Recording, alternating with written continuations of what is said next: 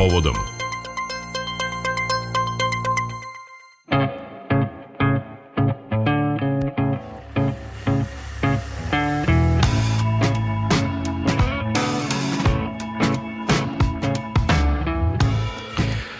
Prema trenutnim podacima više od 5000 ljudi je stradalo, a preko 24.000 povređeno u seriji zemljotresa koji su pogodili deo Turske u blizini granice sa Sirijom. Najjači od više zemljotresa bio je jačine 7,8 jedinica Richterove skale. Broj žrtava nije konačan. Epicentar zemljotresa koji se osetio čak i u Kairu bio je severno od turskog grada Gaziantepa oko 90 km od granice sa Sirijom. Potres je pogodio 10 pokrajina, osetio se i u Ankari i drugim turskim uh, gradovima. Uh, trenutni podaci kažu da je više od 6200 zgrada srušeno. Spasilačke ekipe iz više zemalja, među njima i tim iz Srbije, upućene su u Tursku da pomognu u spasavanju ljudi iz ruševina. Prema rečima ambasadora Srbije u Ankari Zorana Markovića, nema povređenih državljana Srbije. E, danas ćemo o ovom zemljotresu, ali i o zemljotresima uopšte razgovarati sa e, profesorom Oceka za geografiju PMF-a, doktorom Mlađenom Jovanovićem. Dobar dan. Dobar dan. E, predlažem da krenemo da prvo analiziramo šta se ovo tačno dogodilo. Kako možemo da klasifikujemo ovaj zemljotres ili možda da kažemo ovu seriju zemljotresa? Da, to ste upravo zapravo je bila jedna serija zemljotresa, odnosno to se verovatno i, i dalje odigrava. Evo, 24 časa nakon ovaj tog iznenađujućeg, bez ikakve najave, magnitude 7,8, bilo je preko 100 zemljotrasa magnitude preko 4, odnosno 80 zemljotrasa koji su bili snažniji od onog koji je pogodio Kraljevo 2010. godine. U decembru 2010. godine. Tako da je to zaista ovaj, e, jedna izuzetno iznenađujuće snažna serija koja se desila duž jedne zone duge preko 320 km. Evo jutro sam video da se desio jedan zemljotres još u ovaj negde ovaj ispod dna Mediterana Tako da je ta zona sad i nešto du, dužine skoro 400 km. To je veoma, veoma redko.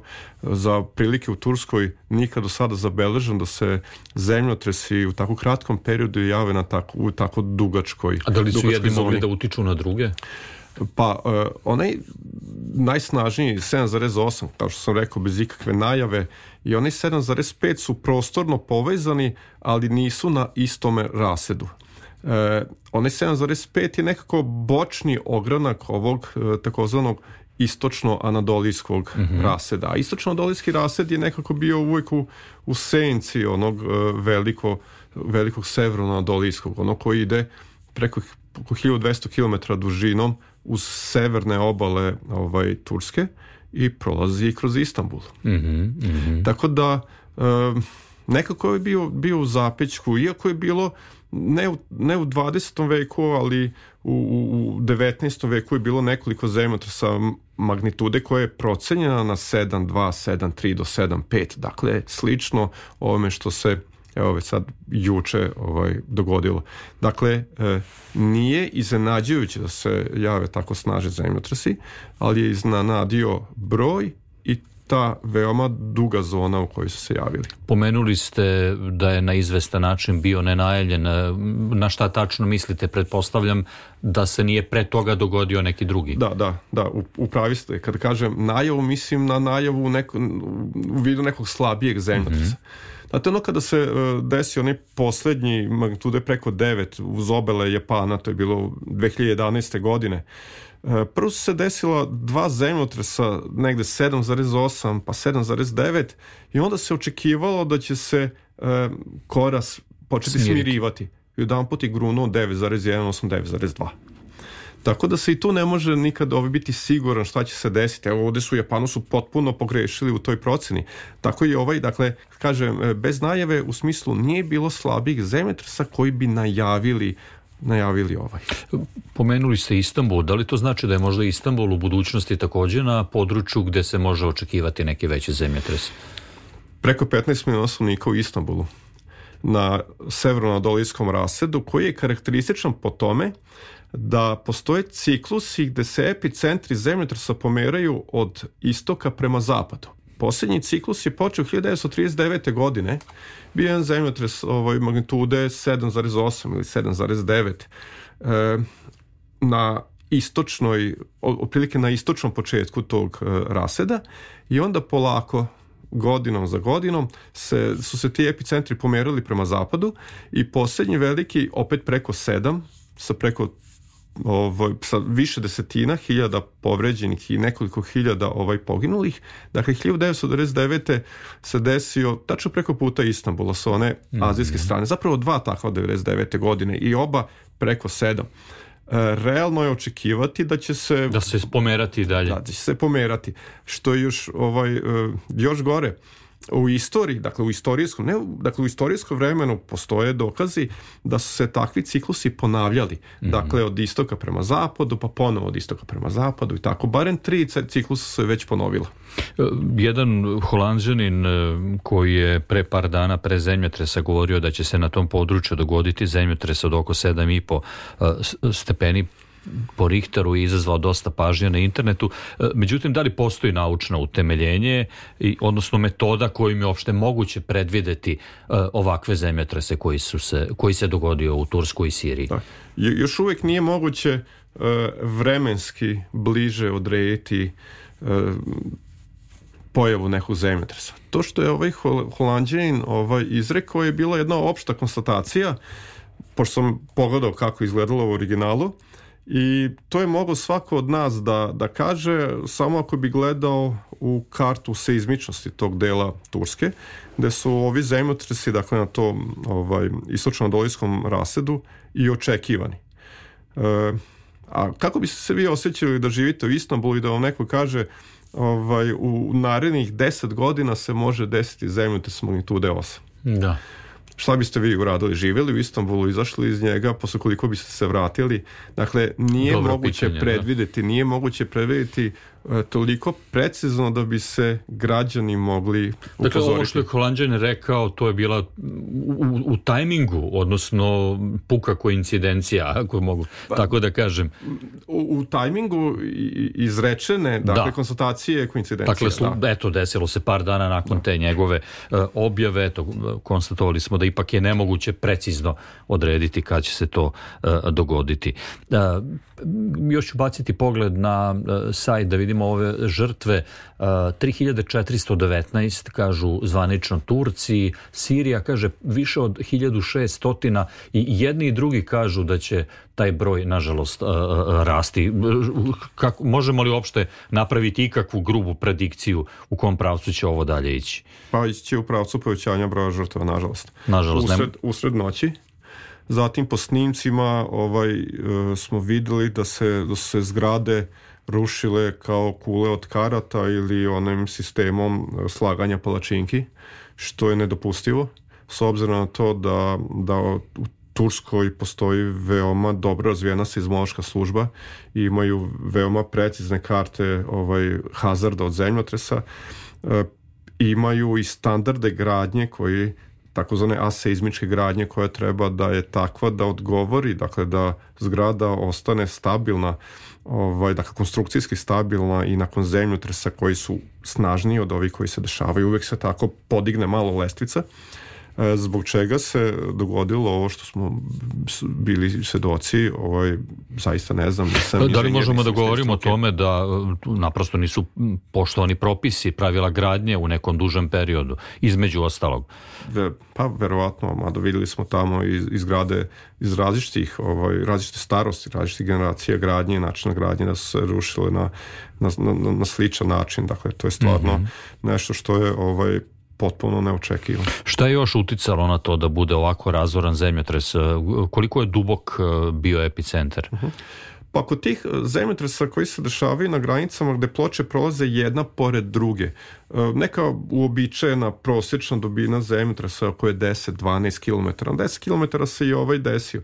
I naravno, ako imamo istu količinu oslobođene energije a kraći je put od mesta oslobađanja energije do površine, uvek su razaranja veća. Mm -hmm. Dakle, ako bi se isti taj diametar 7,8 magnitude desio na 200 km dubine, bili bi drugačiji efekti na, na, na površini. To je, to je, to je jasno.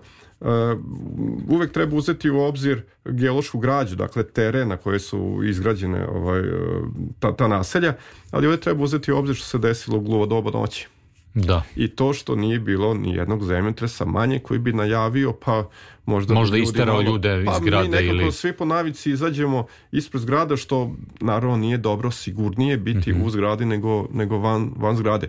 Ima jedna jedna situacija e, pre više od 10 godina bio jedan e, naučni kongres seizmološki u Japanu i bili su i naši seizmolozi bili su smešteni u hotelu kada se desio jedan zemljotres. oni su naravno istračali iz svojih soba, protečali kroz hol i naišli na zaključena vrata. Naime, sigurnije unutar zgrade nego van zgrade. Ali u sistemu koji je predviđen da se tako grade zgrade. Tako je. Tako je.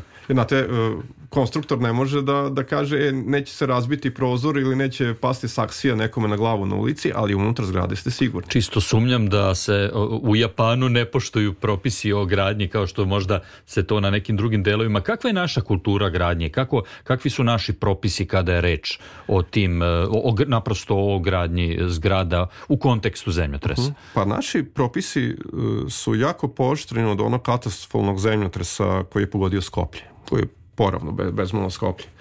I ti propis se još u jedno ili dva navrata ovaj, nešto, nešto podizali. Da kažemo samo da je u Skoplju bio tek nešto preko 6 da, Richtera. Da, da, da. Isto je bio plitak i gradnja u to dobe je bila takva da je puno, puno bilo i, i malih, starih kuća.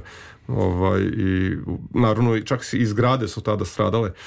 Dakle, ako se poštuju propisi o izgradnji, ovaj, mi bismo trebali biti sigurni. Mm -hmm. Barem u zgradama koje su podignute posle, dakle, 60-ih, od 70-ih na ovamo. Tu bismo morali biti potpuno sigurni. Ali, znate, i u našem okruženju postoje i starije kuće koje su građene na drugačiji način. Čak i nove kuće koje su građene, nažalost, bez, bez betonskih konstrukcija, bez srklažne iznad vrata i prozora.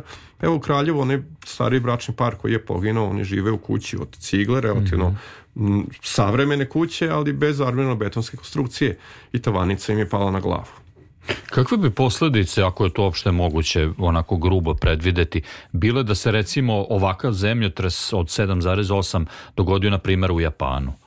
Pretpostavljam da bi ipak nešto manje posledice bile nego ovde. Da, da, da, naravno. Pa, e, znate, i ovi zemljotres koji je bio preko 9 e, nije izazvao rušenja E, e, stambenih zgrada. Najveće posledice su bile zbog onog tsunamija, mm -hmm. a mhm. ne zbog samog, samog zemljotresa. Uh, ok, bilo je rušenja mostova, kliženja autoputeva, nadvožnjaka, dakle, bilo je naravno i konstrukcijskih ovaj, oštećenja, ali 7,5 je nešto što bi vjerojatno zaustavio ovaj japanski metro na, na pola sata. Vrlo zanimljivo. Pomenuli ste tsunami, italijani su izdali upozorenje na tsunami. Da li se tako ipak nešto dogodilo i u kojim situacijama opšte nastaje tsunami, pošto e, ovo vidim da je u kontinentalnom delu nastalo, iako veoma blizu e, mora, moramo to da kažemo. Pa granica između te anadolijske i arabijske ploče se pruža i po dnu e, istočnog Mediterana.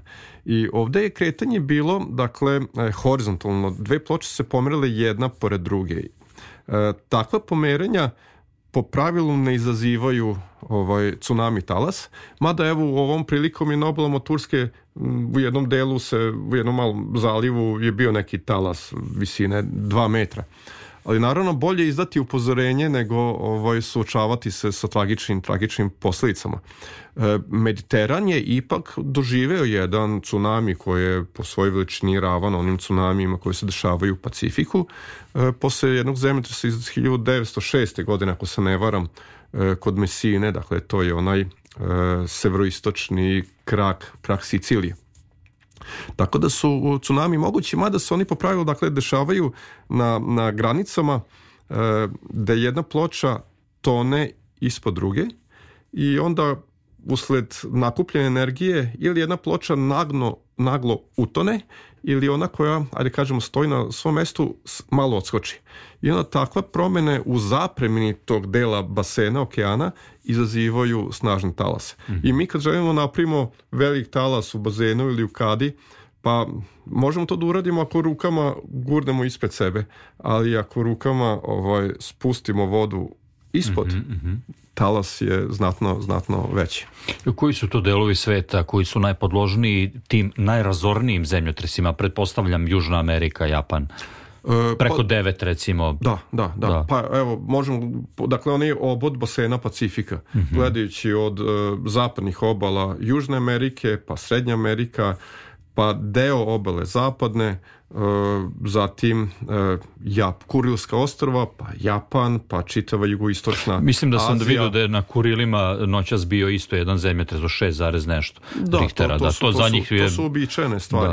Ja, e, ovo mi je bilo zanimljivo, baš kad sam pratio ove zemljetres tokom noći, nijedan drugi zemljetres tude preko tri se nije desio u Evropi. Kao da smo svi gledali šta se dešava u Maloj Aziji. To bi, bi nekako bilo ovaj zanimljivo. Simbolič. Dakle, dakle, osim tog oboda Pacifika, e, e, dakle, oblast od jugoistočne Azije preko Himalaja, pa sve do e, oblasti Mediterana su isto oblasti veoma snažne seizmičnosti. Pa i oni zemljotresi koji se dešavaju u dubini Kine, a koji su uvek nosili po više desetina pa i nekoliko stotine hiljada ove ovaj, žrtava su se dešavali kao posledica sudaranja indijske i evroazijske ploče u oblasti Himalaja u Evropi, evo sad vidimo, dakle, Turska, taj severonadolijski raset, istočno-nadolijski, gde su se desili ovi zemljotresi, uh, zatim ono primorje Turske, dakle njen krajnji ovaj zapad, onda uz obale Grčke, Albanije, Dalmatinska obala i sa druge strane Italijanska, sever Italije, dakle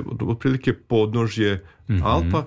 U našoj zemlji e, Šumadija je mhm. tektonski najaktivnija. Nažalost, to smo imali to, skoro priliku da vidimo. Jesmo, i taj, u, u Kraljevu nekako ovaj pripada toj peri, peripanonskoj, peripanonskoj zoni, tu se maksimalno i svi snažni, oni najsnažniji zemljotresi preko 5, odnosno preko 5 i po koji su se desili u našoj zemlji, su se desili u toj oblasti e, eh, oboda panonskog basena, dakle mm -hmm. e, veliko pomoravlje, stig, e, Braničevo, Šumadija, tu su se dešavali ti koliko, maksimalno je bio 5,8.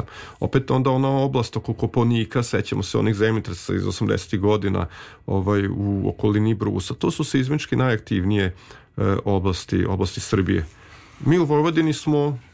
Relativno sigurni, jel? Sigurni od oslih delova naše zemlje. E, Zemlja nikad ne miruje, to moramo da zakažemo, uvek se nešto događa, jel tako? Pa, znate, ovaj, možda sad nije prilika da se kaže, ali to što se dešavaju zemljotres na našoj planeti, to je znak da je zemlja, naša planeta, i dalje pogodna za život ljudi. Da nema zemljotresa, ni život ne bi mogao da opstane na, na planeti. Kako to? Dajte nam to objasnite. Zemljotresi su posledica, najveći broj zemljotresa je posledica tektonskih pokreta. Tektonski pokreti su izazvani kretanjem vrelih a čvrstih masa iz unutrašnjosti planete. Dakle, vrela unutrašnjost planete pokreće mm -hmm. ploče na površini planete. Ako bi se Zemlja ohladila, ne bi bilo više, e, do, ne bi bilo dovoljno energije za kretanje tih ploča. Ali, E, upravo zbog užarenog, recimo, jezgra imamo magnetno polje. Mm -hmm. Magnetno polje nam ne pomaže samo u orijentaciji pticama da odu na jug i da se vrate na sever, nego magnetno polje i čini e, jednu magnetosferu, jedan zaštitni omotač koji se nalazi daleko iznad atmosfere i ta magnetosfera štiti prvo atmosferu od erozionog dejstva sunčevog vetra. Bukvalno sunčevi vetar, vetar zaobiđe magnetosferu i ode na, na drugu stranu i ono kosmičko zračenje koje dolazi kako sa sunca, tako i iz dubokog svemira koje uništava DNK. Dakle, kada bismo imali zemljotrese, to bi značilo da se unutrašnja zemlje ohladila, ne bismo imali magnetosferu, ostali bismo bez atmosfere, bez hidrosfere, život na planeti ne bi bio moguć, odnosno planeta bi bila isto onako kako sada izgleda Marsa. E, juče je bilo dosta tih tekstova, razgovora na ovu temu, pa sam između ostalog čuo da recimo do 2030. može da se recimo u pojedinim delovima sveta očekuje pojačana seizmološka aktivnost. Da li uopšte ima osnova da se tako nešto kaže? Zemljotri se stalno dešavaju. Tamo u onim zonama u kojima se dešavaju i dalje će se dešavati. Veoma redko nas iznenadi neki zemljotres koji je bio u zoni za koji se nije pretpostavio da će biti aktivna. E, period osmo, merenja zemljotresa poslednjih nešto više od 100 godina je previše kratak da bismo mogli da utvrdimo da li postoje neki ciklusi, dakle ciklični su tome kada se aktivnost povećava, kada se smanjuje. Zatim ne može se to posmatrati generalno na prostoru čitave planete. Čitava planeta je sastavljena od 15 ogromnih ploča koji se međusobno kreću. Od njihovih međusobnih odnosa zbog toga se dešavaju mm -hmm. najveći broj najveći broj zemljotresa. Tako da ne možemo napraviti generalnu generalno predviđanje da će se povećavati ili smanjivati na prostoru E, čitave, čitave planete. I za kraj, e, kako utiču klimatske promene? Često čujemo o zagrevanju, slušamo o zagrevanju planete. Da li to na bilo koji način može uticati na pojačanu seizmološku aktivnost u narednom e, periodu? Ne, to, to, to nisu stvari koje su, koje su povezane. Uh mhm. -huh kratko i jasno. Tako je. E, hvala vam najlepše što ste govorili za povodom Radio Novog Sada. E, za povodom e, je govorio profesor Oceka za geografiju PMF-a, dr. Mlađan Jovanović.